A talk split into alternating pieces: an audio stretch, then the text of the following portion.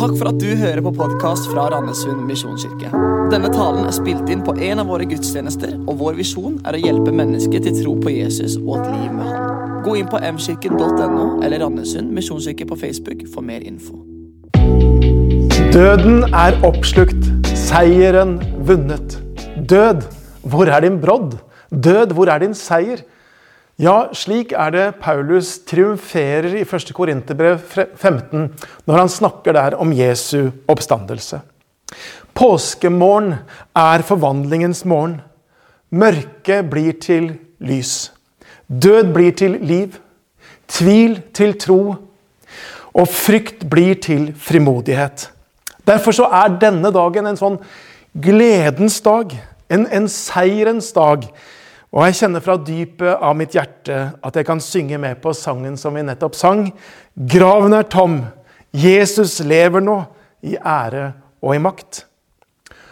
Årets påske er på ingen måte avlyst, til tross for både strenge reiserestriksjoner og at vi ikke kan samles til gudstjeneste på samme måte.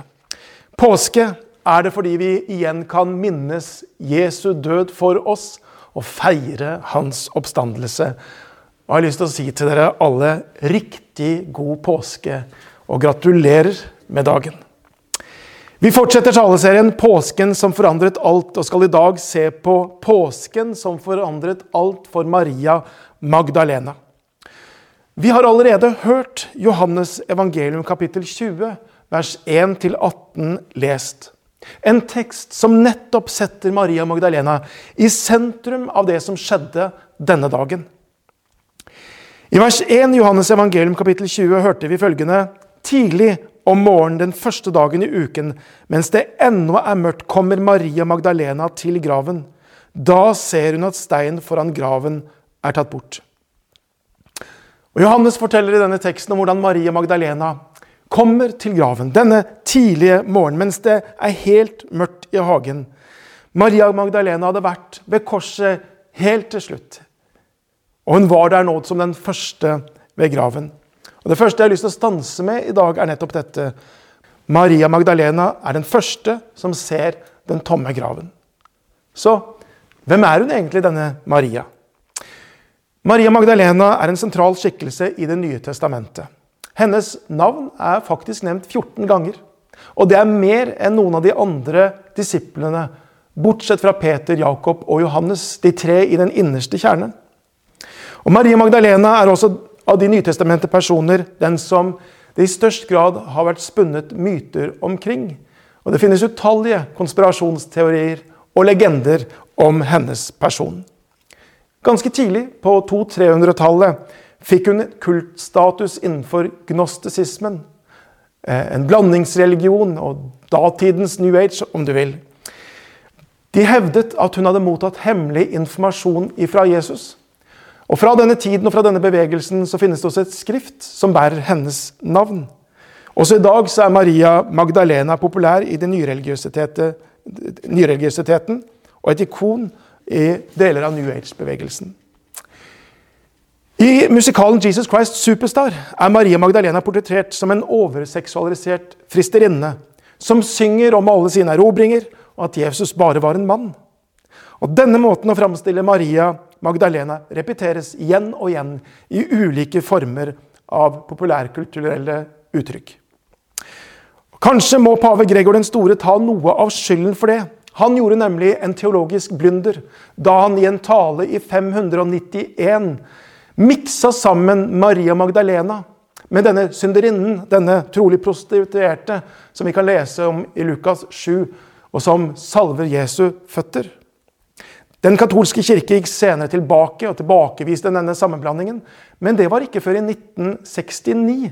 Så altså i nesten 1500 år så var denne sammenblandingen der og har satt seg i folks bevissthet. Men det er altså ingenting i Bibelen som tyder på at Maria Magdalena verken var prostituert eller var en kvinne med en dårlig moral. Mange ble kanskje for alvor kjent med Maria Magdalena da de leste Dan Browns bok Da Vinci-koden. Ifølge denne boken så var Maria Magdalena i hemmelighet gift med Jesus og bar Jesu barn i sin mage da han hang på korset. Maria Magdalena og Jesus, som allikevel ikke var så død på korset, rømmer så til Frankrike og etablerer en slekt der. Konspirasjonsteoriene til Dan Brown bygger ikke på ett eneste fakta. Påstanden fra Dan Brown er tatt ut av løse luften, sier idéhistoriker Dag Øystein Ensjø ved Universitetet i Oslo.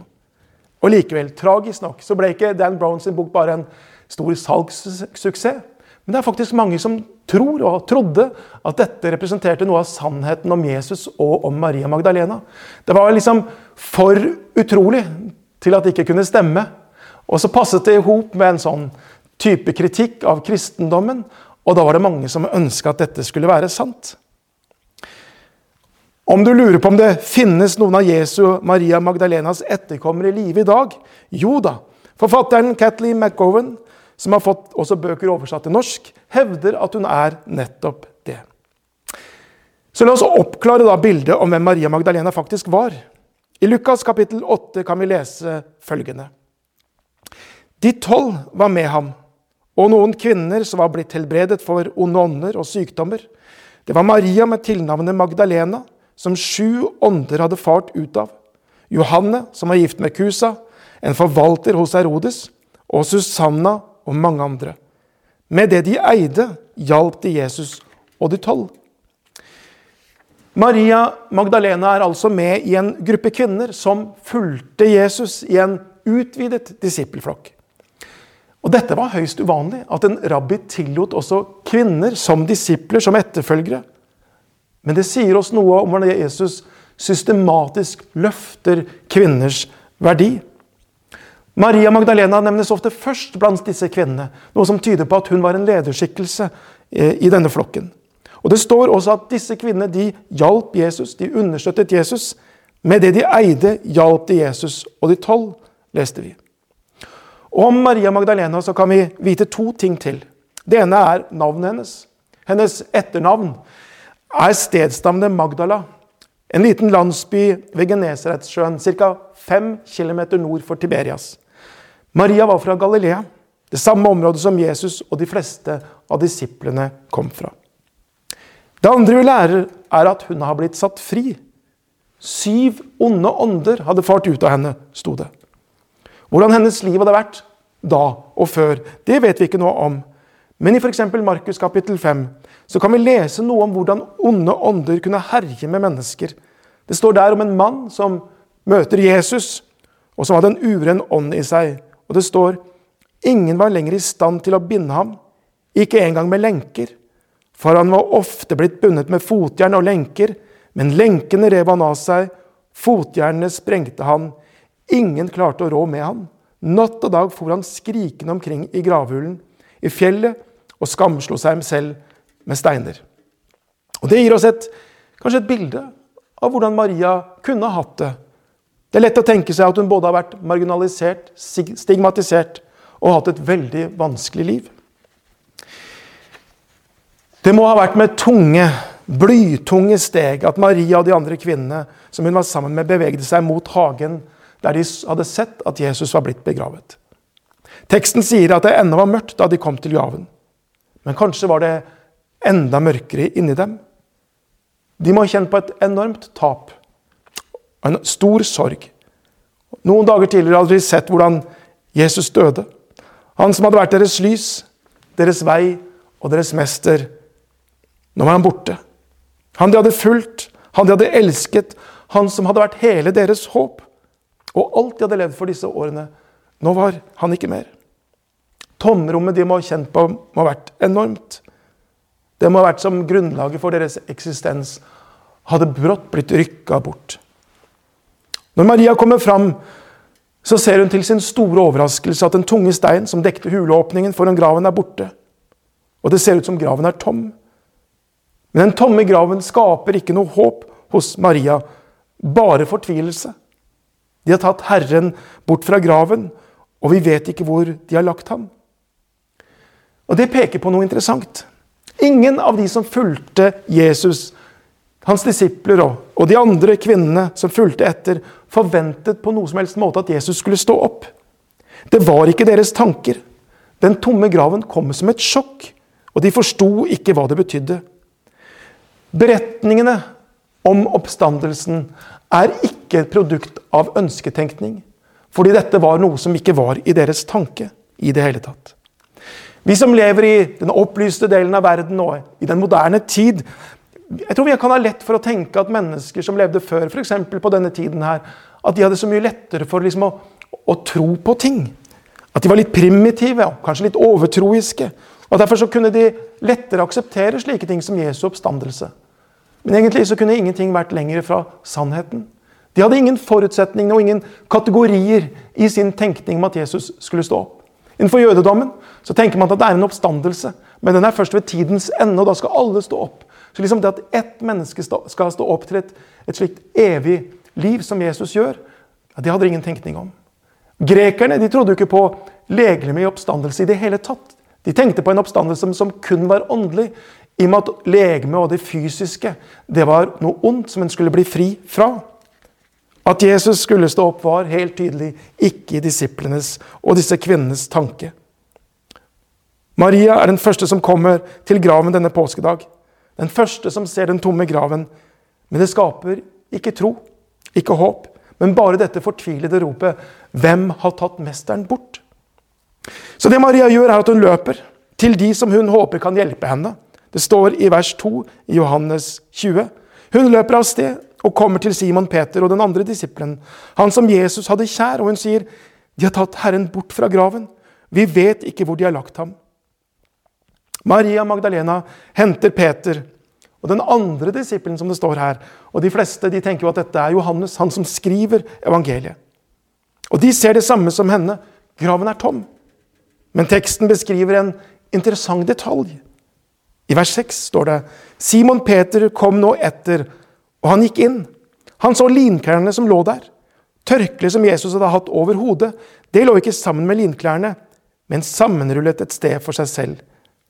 Det var ikke klær som var revet av i full fart og liksom lå strødd utover. Nei, det lå ryddig og systematisk. Teologen Michael Green sier måten linklærne her beskrives på, tyder på at de fortsatt lå der som om de var pakket rundt en kropp. Men nå var det helt tomt. Som en kokong etter at sommerfuglen har fløyet. Og Dette er et tegn på at noe ekstraordinært må ha skjedd. For hvorfor skulle f.eks. soldater eller overivrige disipler, hvis de skulle ha flytta Jesu kropp, ha tatt bryet med å tatt av dette linkleet, som bare gjorde det vanskeligere å frakte den døde kroppen? Og hvis det var gravrøvere, hvorfor i alle dager skulle de liksom tatt seg bryet med å foldet disse klærne pent på plass? Og liksom dette hodetørkleet for seg selv, pent pakket sammen? Det gir ikke mening. Derfor så står det også om den andre disippelen, om Johannes. Det står han så og trodde. Han ser inn i graven, ser det som ligger der. Og så ser han, og så tror han. Ordet som brukes her for å se på gresk, det er ikke det vanlige ordet som brukes ofte om å se ting. Men dette ordet det handler om å vurdere, om å analysere, om liksom å undersøke. Og vi har det greske ordet igjen i vårt norske ord teori. Så det Johannes gjør, er at han ser inn, og så må han tenke, og så må han analysere, og så må han vurdere. Og så faller bitene på plass. Og så tror han. Og Det er mange opp gjennom historien som har sett på beretningen om den tomme graven. Og Gjerne startet med skepsis, men etter å ha gransket, vurdert, analysert, har kommet fram til at det må jo være sant. Jesus må ha stått opp fra de døde. Men Maria Magdalena hun blir stående der, utenfor graven. Forvirret har vanskelig for å liksom, gripe hva som skjer. Og På ny stiller hun dette spørsmålet, denne gangen til to hvitkledde. Hun skimter inn i graven. De har tatt Herren min bort. Jeg vet ikke hvor de har lagt han. Og Fortsatt så er det fortvilelsen som fyller Maria. Det var altså mange fakta som pekte på at Jesus hadde stått opp. Han hadde sagt det tidligere. Eh, den tomme graven, tøyet som ligger der, pent på plass. Og likevel så var ikke det nok for at Maria tror. Hun klarer ikke å ta det inn. Det er mørket og fortvilelsen som er så knusende. Og det eneste hun klarer å tenke på, er dette. Hvor har de lagt ham? Hvor har de lagt ham? Og så blir Maria var at det er noen andre der i hagen. Og Maria tror at det er gartneren. Han spør, 'Hvorfor gråter du, kvinne?' Og Maria svarer igjen, Og det er tredje gang dette kommer opp. Om du har tatt han, si hvor du har lagt han. Hun skjønner ikke at det er den oppstandende Jesus. Ikke før Jesus bruker navnet hennes og sier Maria. Da skjønner Maria hvem det er, og hun svarer Rabuni, mester. Og jeg tenker på Hvilket møte må det ha vært? Og igjen blir alt snudd på hodet for Maria. Nå er det ikke mørket som rår, nå er det lyset som rår. Både i henne og sikkert i hagen. Bunnløs fortvilelse har blitt til glede. Håpløshet har blitt til tro. Og for andre gang i sitt liv så har Jesus forvandlet Marias liv fullstendig. Vi er forskjellige som mennesker. Og Maria hun trengte dette personlige møtet med Jesus for å tro. De tørre faktaene, den tomme graven, begravelsesklærne, det holdt for Johannes, men ikke for Maria. Men når hun får dette møtet og gjenkjenner mesteren når han nevner hennes navn, ja, så klikker troen på plass for henne. Det var det hun trengte. Og det er egentlig dagens andre punkt i denne talen. Maria blir den første som får møte den oppstandende Jesus Kristus. Det var totalt uventet. Men hvilket privilegium. Etter hvert får også de andre disiplene møte den oppstandende. Flere i den utvidede disippelflokken. Paulus ramser opp en rekke av disse i sitt første korinterbrev. Han nevner Peter, han nevner Johannes, seg selv og mer enn 500 brødre på en gang. Og Gjennom kirkens historie så er det utallige som kan fortelle dette, at de har møtt den oppstandende Jesus. Kanskje husker noen av dere at vi hadde besøk i Misjonskirken av danske Charlotte Rørt i advent i 2016. Hun var en ikke-troende dansk journalist som totalt uventet møtte Jesus i sakristiet i et spansk kapell i 2015. Og Hun forteller om dette i boken 'Jeg møtte Jesus'. Når hun var her, så fortalte hun at etter at denne boken hadde kommet ut, ja, så var det mange som hadde sendt sine historier til henne. Og Etter hvert så fikk hun over 1000 slike vitnesbyrd, mennesker som fortalte om et overraskende møte med den oppstandende Jesus. Hun har samlet disse historiene i en ny bok som heter 'Vi møtte Jesus'. Kirken og kirkehistorien er full av mange små og store vitnesbyrd om folk som har sett Jesus, og som har møtt ham. Og Noen forteller om nesten et slags fysisk møte, slik som Charlotte Rørt forteller om. Andre har sett Jesus for sitt indre øye, eller erfart Jesu nærvær, eller på en eller annen måte kan fortelle om at de har møtt ham. Da jeg var seks år, i forbindelse med at jeg var syk, og lå syk på rommet mitt, så erfarte jeg Jesu nærvær veldig konkret. Eh, jeg ble frisk der og da. Det var jo én ting. Men den der erfaringen fra at Jesus hadde vært der, at jeg hadde sett han og erfart han, det ble en sånn bærende element for min tro gjennom både barne- og ungdomsår. Jeg visste at Gud var virkelig, og at Jesus lever. Jeg tror i dag fordi at jeg er overbevist om at det er sant. Men erfaringen i møte med Jesus er også bærende for min tro. Kanskje du lengter etter et slikt møte med Jesus. Kanskje du kjenner at du trenger nettopp et slikt møte med Jesus. Det kan være at du kjenner deg igjen i Maria, som trengte noe mer enn kalde og harde fakta. Vet du hva? Du kan møte han. Det er nettopp derfor vi i dag kan feire første påskedag. Fordi Jesus oppsto fra de døde. Og han lever. Og det betyr at han også kan møte oss i dag. Maria Magdalena er altså den første som ser den tomme graven. Hun er den første som møter den oppstandende Kristus. Og ikke bare det, hun blir også det aller første oppstandelsesvitnet. Maria var den første til å forkynne budskapet om at Jesus er oppstått. Og det er også dagens tredje punkt. I vers 17 står det Jesus sier til henne, 'Rør meg ikke, for jeg har ennå ikke steget opp til far.' Men gå til mine brødre og si til dem at jeg stiger opp til Han, som er min far og far for dere, min Gud og deres Gud. Da gikk Maria Magdalena av sted og sa til disiplene, Jeg har sett Herren. Tenk det. Det er Maria, Maria Magdalena som får dette privilegiet, som får denne æren, som får dette oppdraget av Jesus selv å fortelle forkynne for de andre at han har stått opp. Hvem skulle ha trodd det? Det ene som gjør det usannsynlig, er jo at hun var en kvinne. Og I en kultur hvor kvinner generelt hadde lav status og ikke ble regnet som troverdige vitner i en rettssak, så er det altså en kvinne Jesus velger til å gå med bud om at han har oppstått, til de mannlige disiplene. Igjen se hvordan Jesus løfter kvinners verdi. At de første oppstandelsesvitner var kvinner, det ble og var et angrepspunkt for, den, for motstandere av kristentroen. Man mente at det svekket evangeliets troverdighet. En gresk filosof i det andre århundret, Celsius, som er motstander av kirken og skrev flere kraftige angrep mot den kristne troen. Og Et av hans kronargumenter var nettopp dette. Han sier at kristendommen kan umulig være sann, fordi de nedskrevne beretningene om oppstandelse baserer seg på vitnesbyrd fra kvinner. Og så sier han og vi vet jo alle hvor hysteriske kvinner er. Men i dag er det jo motsatt. Istedenfor at dette svekker troverdigheten ved beretningene, ja, så styrker det jo faktisk troverdigheten. For om teksten som vi har lest i dag, skulle være funnet på av Johannes, som ville overbevise noen av en eller annen grunn, ja, så hadde han aldri inkludert en slik detalj. At det var kvinner som var de første til å møte Jesus. Han ville aldri gjort det.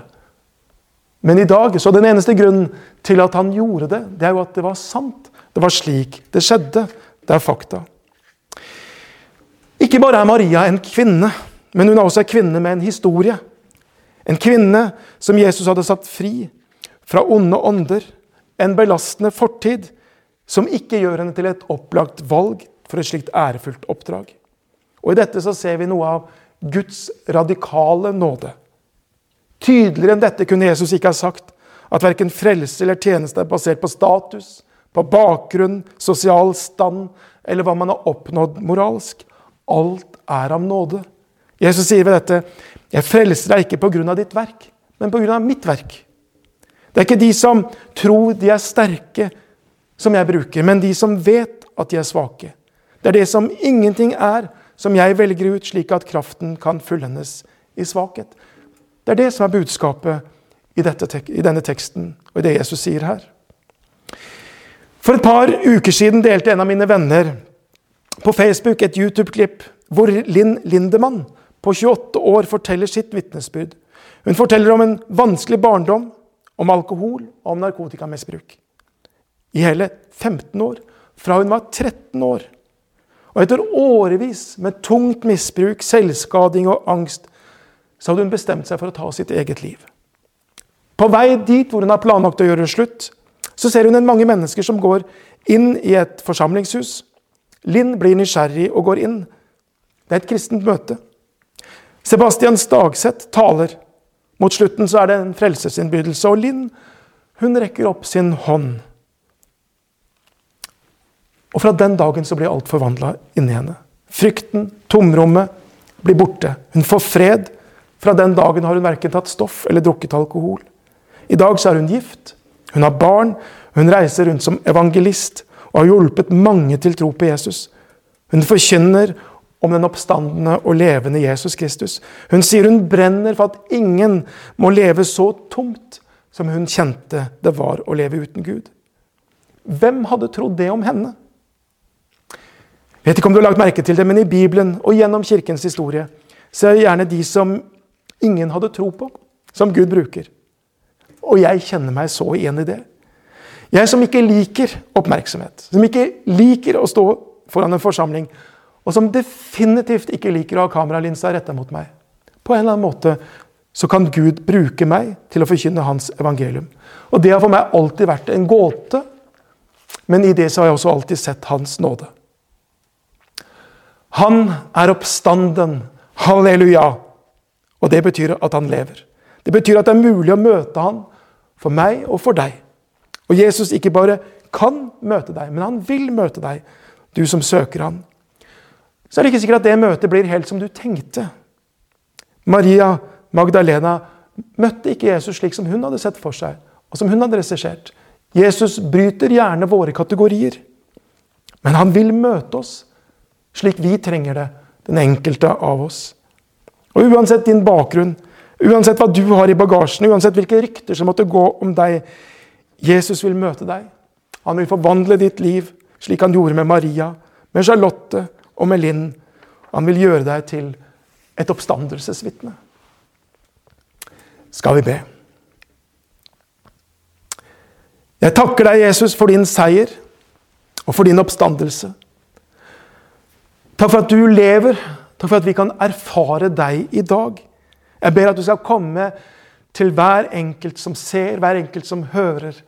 At du skal komme med ditt nærvær, med din fred, med din kraft og med din seier. Jeg takker deg, Jesus, for det navn som du har fått, det navn som du er gitt. Døden kunne ikke holde deg. Forhenget, det revna. Du knuste syndens og dødens makt. Hele himmelen roper og ærer din herlighet. For du blei oppreist, til liv, til kraft, i seier. Hvilket navn, hvilket fantastisk navn du har gitt.